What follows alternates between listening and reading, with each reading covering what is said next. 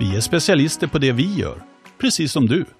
Därför försäkrar vi på Swedea bara småföretag, som ditt. För oss är små företag alltid större än stora och vår företagsförsäkring anpassar sig helt efter firmans förutsättningar. Gå in på swedea.se företag och jämför själv. Analyspodden presenteras i samarbete med Epti, en company builder inom tech med hela 25 tillväxtbolag i portföljen. Det som skiljer Epti från ett vanligt investmentbolag är att de går in operativt med hjälp av egna utvecklare och andra kärnkompetenser och bygger bolagen tillsammans med engagerade entreprenörer. Genom ägarandelar är uppsidan vid en exit stor, samtidigt som risken på nedsidan är begränsad till en bred portfölj. Epti är noterat på Nasdaq First North Growth Market. Läs mer om bolaget på epti.com. Analyspodden från Dagens Industri. Hej och välkommen till Analyspodden. Bakom micken idag står jag, Johan Wendel, reporter och analytiker på Dagens Industri och med mig har jag min kollega Magnus Dagel. Välkommen Magnus. Tack så mycket. Det är fredagen den 26 augusti och när vi spelar in det här så är klockan 10.40 precis så att ni vet ungefär vad vi vet. Och eh, när vi kikar på börsen här så är den eh, upp här svagt på fredagsförmiddagen. Den är upp 0,15 procent i talande stund och eh, man får väl säga även om det har gått ner lite här i veckan så det har varit en lite trevande börsvecka. Alla väntar på Fed-chefen Jay Powell som ska hålla tal i amerikanska Jackson Hole här på fredags eftermiddagen. Eller hur Magnus? Ja, det är väl det som kommer styra börsen framöver. Och eh, han har ju då en svår balansgång här att hålla då han ska liksom försöka eh, bibehålla Feds trovärdighet när det gäller att bekämpa den höga inflationen samtidigt som man har att hantera eh, en starkt bromsande konjunktur eller tecken på en, på en bromsande konjunktur och försöka hålla den här balansen. Och eh, ja, det är inte en helt eh, avundsvärd balansgång som han måste försöka parera här. Nej, många tror att eh, Amerika är inne i lågkonjunktur, men samtidigt är ju arbetslösheten på rekordlåga nivåer, extremt låga nivåer, svårt att hitta arbetskraft och jag såg faktiskt att eh, consumer confidence, alltså konsumenternas förtroende för ekonomin var på 60 års lägsta här i somras. Nu har det bounceat upp lite grann, men det är lite svårt att förstå och få ihop det här.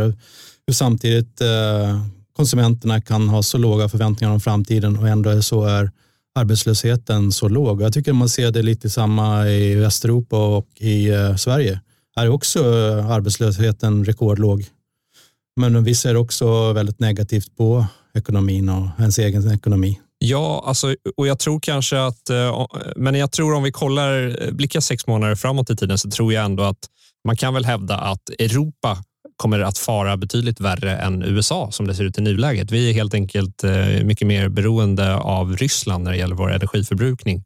Ja. Och vi kommer få ta eh, värre stryk därifrån. Plus att vi har franska kärnkraftverk som inte riktigt eh, producerar lika mycket el som de brukar göra.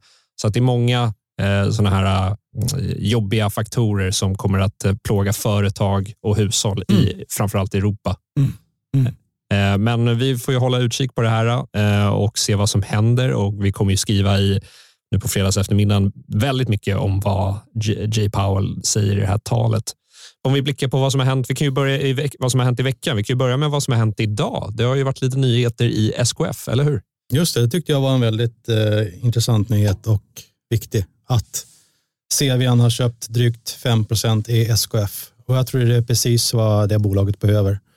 Jag tycker inte att de har FAM har varit en speciellt bra huvudägare, alltså den här stiftelsen, Wallenbergarnas stiftelse. Jag tycker inte de har drivit på det bolaget tillräckligt. Och det ser man också i kursutvecklingen. Den är på ja, ungefär på samma nivå som för fem år sedan. P talet var på nio nästa år, på nästa års prognos då innan eh, dagens eh, uppgång. Eh, så jag tror att eh, det där kommer faktiskt sända bra grejer och, och även ABB har ju gått förhållandevis bra eh, CVn kom in där och de, jag såg att den har gått 20 procent bättre än börsen då, eh, på fem år. Så ja, jag tror faktiskt eh, det är det som SKF kan behöva. Att eh, kanske få in styrelserepresentation, eh, driver på lite mer. Det är ju annars ett bolag som har problem och har haft länge. Menar du FAM eller SKF? SKF. Alltså, det har ju aldrig varit särskilt eh, högvärderat. Nej, nej, så är det. Kanske man har för höga förhoppningar på att de ska lyfta värderingen, men å andra sidan så tror jag det kan, det kan nog hända bättre grejer där. Men på tal om FAM så tycker jag, jag har aldrig förstått mig på deras kapitalförvaltningsstrategi. Jag vet inte om du har gjort det? Nej, det kan jag inte säga. Nej, men de har ju en väldigt ägarkoncentration till fåtal bolag som jag har förstått, som jag har svårt att förstå. Man har ju eh, halva portföljen är ju egentligen eh, SKF, eh, Munters och Stora Enso som är ganska cykliska ändå och eh, en mängd mindre bolag. Så, men i kapitalförvaltning, om man ska fokusera då på utdelningar till eh, välgörande ändamål, forskning i Sverige, så behöver man ju stabila utdelningar. Alltså utspritt på många bolag, kanske större utländska, eh, större andel utländska aktier, stabilitet i utdelningar helt enkelt. Så jag tvekar om man verkligen får det från SKF, Stora Enso, ja kanske, jag vet inte, så vi får se. Ja, äh, vi får se vad eh, Christer Gardell och Sevian hittar på i SKF. Eh, om vi även blickar vad som har hänt idag på fredagen så har vi ju, eller förlåt, igår kväll faktiskt, torsdags, så kom ju beskedet att Storytel utser ny vd och det var ju inte så oväntat här. Alltså Jonas Delander lämnade sin vd-post i februari i år så att eh, de har haft en tillförordnad vd sedan dess. Så det, det, är ingen hemlighet att de letar ny vd. Det som kanske var mer dramatiskt var att eh, man eh, gör sig av med tre ledamöter i styrelsen. Det är bland annat Rustan Pandai och Jonas Sjögren. Och det där kanske är lite mer dramatiskt. Det är ju Rustan Pandai var ju styrelseordförande i Storytel 2015 till 2021 och Jonas Sjögren är också långvarig styrelseledamot. Och det här är två personer som har varit med och liksom jobbat ganska aktivt med att säkra emissioner och, och dylikt. Så det är en ganska noterbar förändring och jag tror att man kanske kan ana att det är EQT, storägaren, som utövar sitt eh, inflytande här eh, och eh, gör om i styrelsen. För det här innebär att eh, över hälften av styrelsen nu har bytts ut på eh, drygt ett år och eh, samtidigt som man har bytt vd och som bekant är ju nu Hans Holger Albrecht eh, styrelseordförande i Storytel. Så jag tror att det här kan vara spännande och, och, och de man får in i styrelsen, det är ju liksom personer med ja, men mycket industriell kompetens. Eh, som sagt, eh, Jonas Sjögren och Rustam Pandai mer finansiellt inriktade och eh, det kanske säger någonting om vad Storytel vill ha mer fokus på verksamheten i styrelsen, försöka vända det här till lönsam tillväxt som man har pratat om i rapporter. Här. Så jag tycker att det ska bli intressant att följa. När tror du de kommer börja tjäna pengar? Bra fråga. Nästa fråga. Nästa. Vad, vad, har du mer hänt här i veckan, Magnus, som du tycker att vi borde uppmärksamma? Nej, men jag, jag har fastnat vid den här eh, SKF-affären faktiskt. Jag tycker det, det säger någonting om, om börsen ändå, som jag har funderat på. Det är ju att det har varit eh, liksom fantastiska tider egentligen för de senaste fem åren överlag då för börsen, men många aktier är ju faktiskt rätt lågt värderade. Det, det har jag skrivit om eh, tidigare här, att eh, då var det drygt 30 bolag som handlades under P, P10 jag tycker man ser det ändå nu att eh, många storbolag är faktiskt eh, rätt lågt värderade fortfarande. Och det kan ju vara det som eh, CVan Christer Gardell upptäcker. Nu jag tycker jag satt och rankade lite där och ser att eh, menar, vi ser banker som är på samma nivå eller lägre än för fem år sedan. Vi ser byggbolag, NCC som är lägre än för fem år sedan. Vi Electrolux, samma sak där. Vi har ett P-tal på nio nästa år och, och faktiskt så så ser man även lite grann det på eh, fastighetsbolagen som jag följer rätt mycket. Då, att eh, där eh, efter årets kollapsar så är det faktiskt ganska så många som har haft svag utveckling på, även på fem år trots de här goda tiderna som har varit. Om vi ser till exempel både huvudstaden, Atrium, Wallenstam, ABG har lämnat svag avkastning och det kanske kan öppna upp för lite strukturaffärer eh, framgent. Lite som vi såg nu med, med CVn. Om du får spekulera här lite. Ja, är det någon som du har på känn? Nej, men jag skulle gärna vilja se att eh, nästa som CVn går in i är Saab nu när han har gett sig in i Wallenberg-familjen här. Eh, jag tror det ska vara precis vad de behövde. Varför det? Nej, men Saab har en fantastisk produktflora. De har expanderat internationellt väldigt bra, men de får aldrig fart riktigt på lönsamheten. Den har förbättrats, men det lämnar mycket övrigt att önska. De har aldrig nått sitt mål på 10 procent. Samtidigt som övriga Wallenbergs bolag har lyckats väldigt bra tycker jag. Hade de haft väldigt bra ägarstyrning. I Saabs fall så tror jag det skulle krävas mer i styrelsen för att lyfta det. Jag tror att eh, Gardell skulle bli en bra styrelsemedlem där. Det är ju annars en aktie som har fått lite revansch i år. Mm. upp, jag tror den är upp 60-70 procent här sedan årsskiftet. Mycket drivet av såklart Ukraina-kriget och Rysslands invasion där.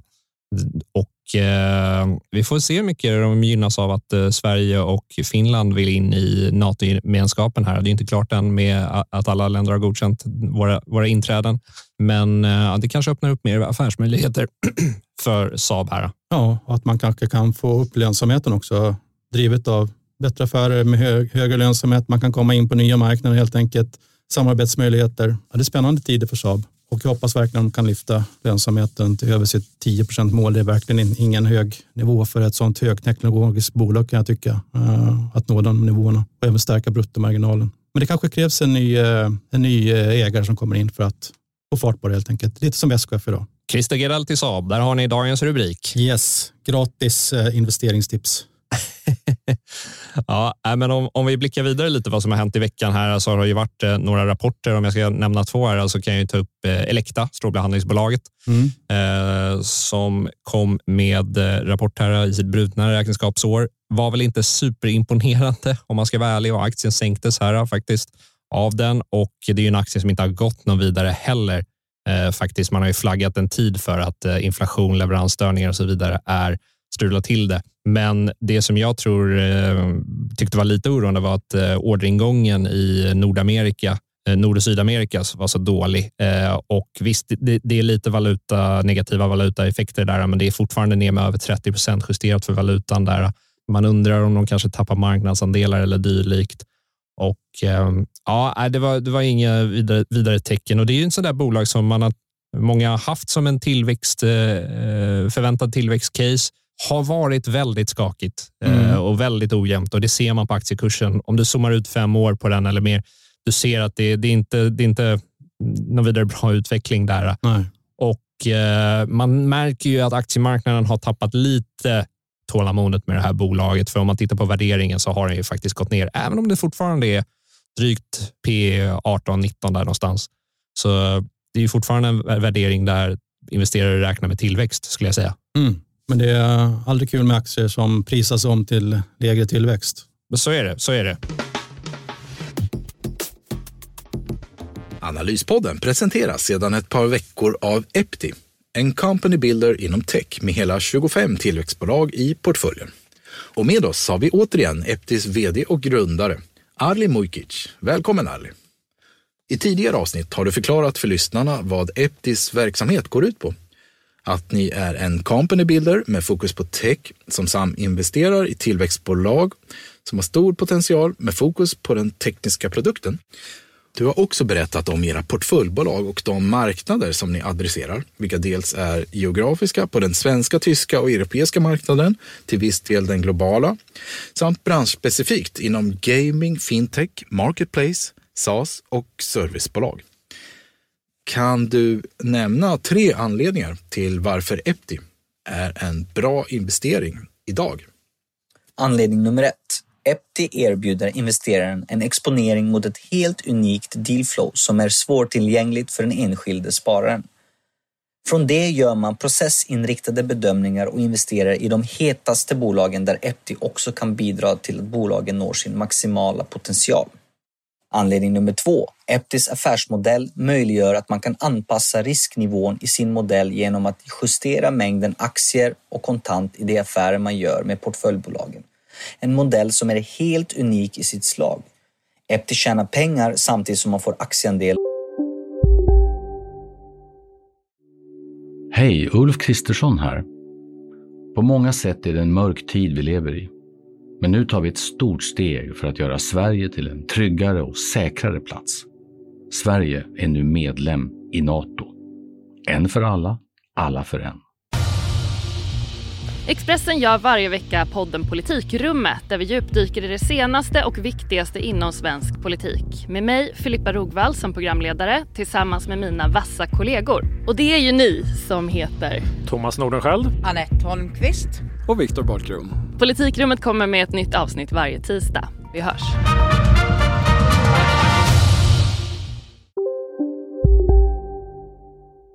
i techbolagen med stor möjlighet till värdeutväxling. Anledning nummer tre. Epti erbjuder investeraren en spännande portfölj där alla bolagen ligger inom segment som man ser en stor grad av digitalisering och innovation inom. Med Eptis förmåga att ligga i framkant inom techutveckling ges goda förutsättningar för att bygga morgondagens bolag. En resa som investeraren genom att äga Epti får ta del av. Ja, men stort tack för det, Arli. Om du som lyssnar vill veta mer om Epti och deras verksamhet så är det bara ett klick bort. Besök Eptis hemsida på epti.com. Då vill jag säga ett stort tack till Arli Mujkic, vd och grundare för Epti, för att du och ditt bolag har varit med och sponsrat Analyspodden under ett par veckor. Men på tal om att vara prisade för låg tillväxt mm. så har vi ett annat bolag som kom med en rapport här eh, i veckan och det var ju kycklingbolaget Scandi Standard. Och där kan man ju snacka om att eh, investerare inte har så höga förväntningar, eh, vilket reflekteras i den väldigt låga värderingen. Men här så eh, vi har, jag undertecknade här, gick ut och köprekade den här aktien som veckans aktie i eh, slutet av maj, tror jag det var, eh, i år.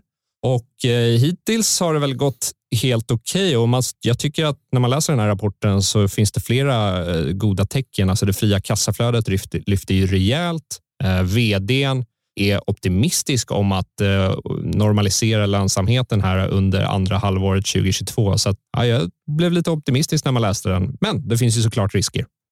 Jag tycker de borde ju tjäna pengar med tanke på vad, kyckling, eh, vad kycklingpriserna är när man handlar kycklingar i somras. Jag tycker de nästan har dubblat priserna. Eller? Det borde ju slå igenom positivt kan man tycka. Ja, men precis. Man tycker det samtidigt som de har mycket eh, på kostnadssidan som också ökar för dem mm. Eh, och så vidare. Men eh, intressant aktie att följa. Men såklart, det finns eh, det finns liksom risker med det här. Vi ser till exempel, och det här är någonting jag tog upp där för någon månad sedan, eller några veckor sedan med elpriser. Vi har vant oss i Sverige att det är liksom inte ens någonting vi tänker på som investerare, för de ligger stabilt eller till och med sjunkande det senaste decenniet. Men den verkligheten är ju över nu och det här är ju en liten joker som kan dyka upp i bland börsbolag, bland annat Scandi Standard kanske, mm. eh, på kostnadssidan. Och, eh, man märker att börsbolagen är inte vana vid att få den här frågan. Eh, mm. hur, hur har ni säkrat elpriser och så vidare? Ganska förtegna om det. Mm. Så det var en bra artikel tycker jag. Och jag menar, eh, för, för en del bolag, till exempel Essity, så slår ju det enormt mot, eh, mot vinsten. Om de har nu säkringar av elpriser som kommer släppa här.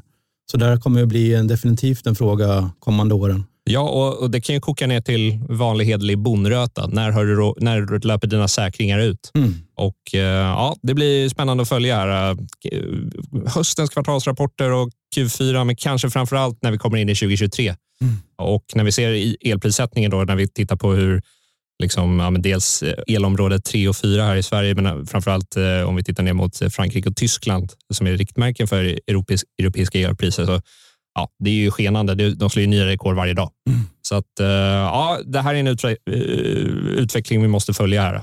Ja, det är jobbigare för företag, men ändå så mår ju svenska näringslivet bra ska jag säga. Det såg man på halvårsrapporterna, storbolagen framför allt.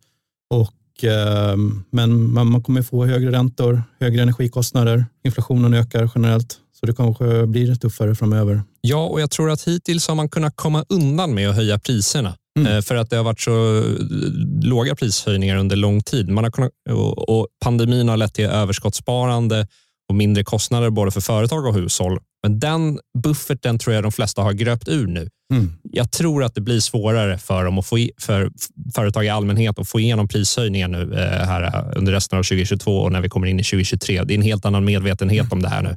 Det när tror vi, jag också. Mm. När vi ser på leverantörskedjor och så vidare så pekar ju allt också på att det är på väg att lätta upp, lätta upp i leverantörskedjorna och bland tillverkare och så vidare. Att det inte är samma ansträngda läge. Det påverkar ju också såklart att, eh, liksom på utbudssidan såklart. Just det. Nej, men jag tror faktiskt att företag har passat på lite grann att eh, höja priserna lite extra nu när man har kunnat och kunnat skylla på det. Jag kan inte belägga det vetenskapligt, men eh, min, min känsla är det och det har drivit på lönsamheten väldigt bra för svenska bolag. Det och eh, den svaga svenska skvalpvalutan har eh, drivit på eh, marginalerna väldigt positivt för, för svenska näringslivet. Absolut, absolut. Eh, men man kommer undan med det. Man har kunnat komma undan med det, man, man kommer inte kunna undan, komma undan med det för all, för all framtid. Men det blir intressant att följa. Och sen om vi ska ta upp en sista grej som har hänt här under veckan i bolag som jag följer lite grann så är det ju också att vad heter data och spela, mobilspelsutvecklaren Embracer, då som är överlägset störst på Stockholmsbörsen i sin bransch, har ju släppt sitt nya storspel här, äh, Saints Row. Och om vi tittar vad kritikerna tycker så är ju de eh, ljummet inställda om man är snäll. Eh, negativt inställda skulle det kanske vara en mer rättvisande beskrivning. Och det här spelet och hur det här säljer är ju såklart viktigt för för, guide, eh, för Embracers kommande kvartal eh, där man hoppas kunna lyfta den organiska tillväxten som var negativ det senaste kvartalet. Så det här är viktigt att hålla reda på. Sen vet vi inte vad, vad Lars Wingefors, vd och storägarna i Embracer, sitter på för, för deals med till exempel Epic Games Store i form av förköp av eh, kopior för att släppa eh, eh, exklusivt där. Han kanske får eh, the last laugh. Vi får se. Är inte, är inte Embrace lite eh, samma som SBB? De har ju expanderat precis i samma höga takt de senaste åren, köpt extremt mycket. Och nu kommer backlashen lite grann och det ser man inte minst i kursutvecklingen. Jag tror med SBB, jag avvisar just SBB-parallellen, eh, men jag förstår hur du tänker. Men jag tror att mycket kommer att avgöras här nu kommande eh, kvartalen, tycker jag. Alltså hur man ser på det här bolaget. För att det har varit lite väl mycket så här att man har skjutit på den organiska tillväxten som man har utlovat till aktieägarna i Embracer. Och nu blev det ju som sagt negativ organisk tillväxt igen här, eh, i senaste rapporten och man poängterade då och lovade att ja, men, sett i helåret kommer det bli fantastisk organisk tillväxt. Levererar de det och de här spelen går eh, liksom bra, då tror jag det mesta kommer vara förlåtet här. Sen ska man komma ihåg att spelbranschen eh, som, överlag har det ganska tufft med tillväxten just nu och eh, Embracer liksom sticker inte ut där på det sättet. Men de, de måste tillbaka till tillväxt. Det är det liksom investerarna räknar med att de här förvärven ska ge. Att det ska ge synergier och så vidare. Så att, eh, men det, det är än, än är loppet knappt långt ifrån kört. Mm. Viktigaste händelsen eh, i veckan alltså eh, Jackson Hole eh, och det kommer påverka räntesättningen både i USA, Europa och Sverige och det påverkar fastighetsbolagen som jag skriver mycket om. Då. Jag skrev om det förra veckan här, eh, hur pass känsliga fastighetsbolagen är egentligen mot räntan. Då. Och eh, jag tror att faktiskt att man har eh, överskattat lite grann hur pass känsliga man är där. Jag gjorde en känslighetsanalys då, eller stresstest på Castellum och Eh, visst, de påverkas ju av högre räntor, men eh, eh, det är hanterbart skulle jag säga. Och jag tror att marknaden överreagerar lite grann när man halverade till exempel kursen på Castellum här i första kvartalet, eller första halvåret egentligen.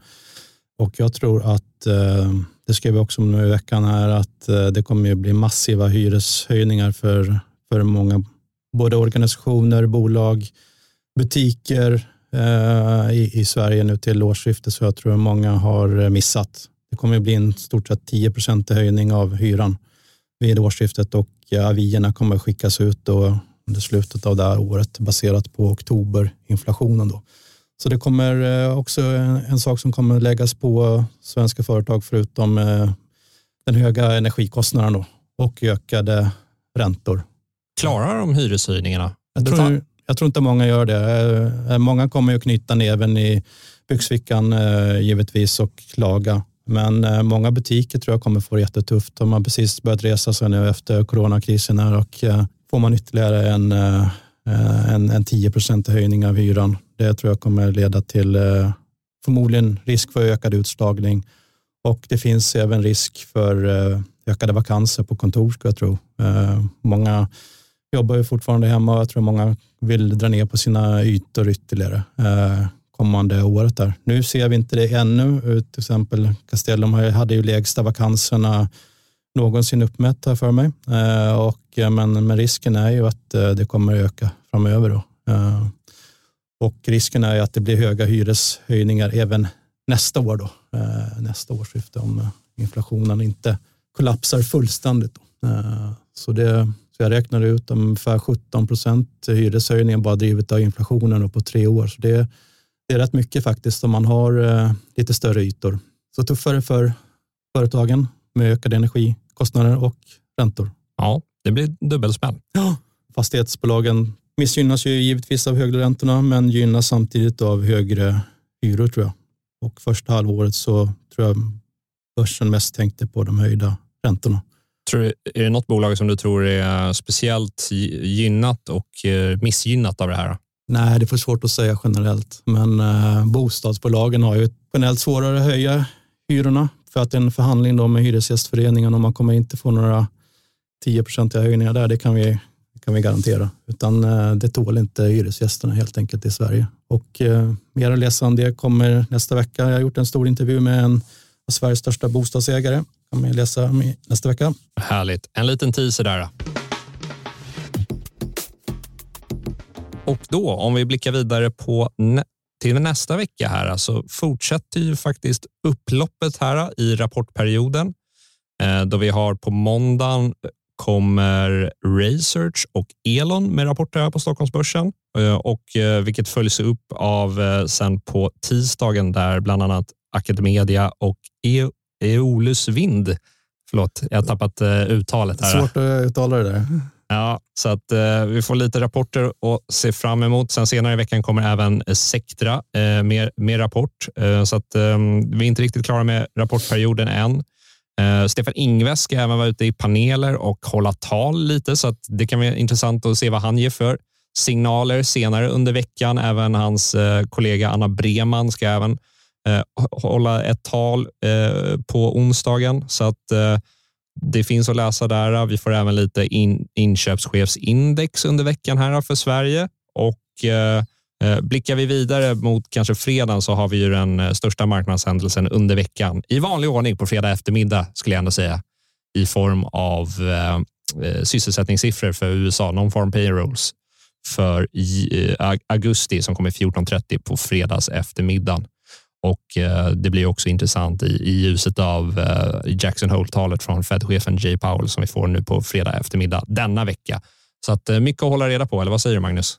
Mycket att hålla reda på, verkligen. Men i denna eh, upptagna agenda så ska ni inte glömma bort att lyssna på våra andra poddar. Eh, vår kollega Viktor Munkhammar gör ju makropodden Makrorådet där det är mer fördjupat i makroekonomi och liknande. Vi har även Smarta pengar som handlar om privatekonomi. Vi har Digitalpodden från våra kollegor på Digital, Ledarpodden, våra led kollegor som podd, på ledarredaktionen som poddar om politik och inte minst Morgonkoll, den dagliga nyhetsuppdateringen som du kan få. Så det finns mycket att lyssna på. Mm. Sen är det snart val också. Det är snart val också. Så då, det var två veckor kvar. Glöm, glöm inte bort att rösta eller förtidsrösta.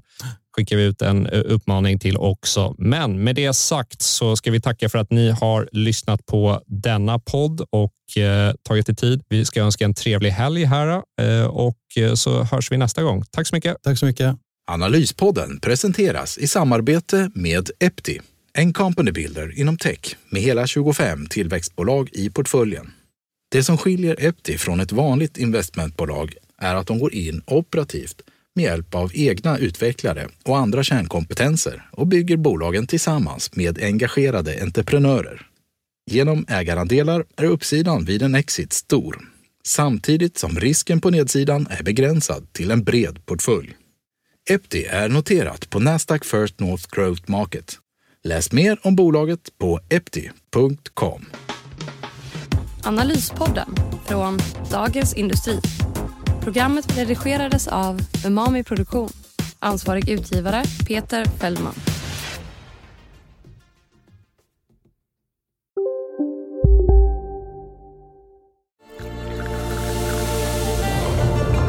Välkommen till Maccafé på utvalda McDonalds restauranger med Baristakaffe till rimligt pris. Vad sägs om en latte eller cappuccino för bara 35 kronor? Alltid gjorda av våra utbildade baristor. En. Nu kan du teckna livförsäkring hos Trygg-Hansa. Den ger dina nära ersättning som kan användas på det sätt som hjälper bäst. En försäkring för dig och till de som älskar dig. Läs mer och teckna på trygghansa.se. Trygg Hansa. Trygghet för livet.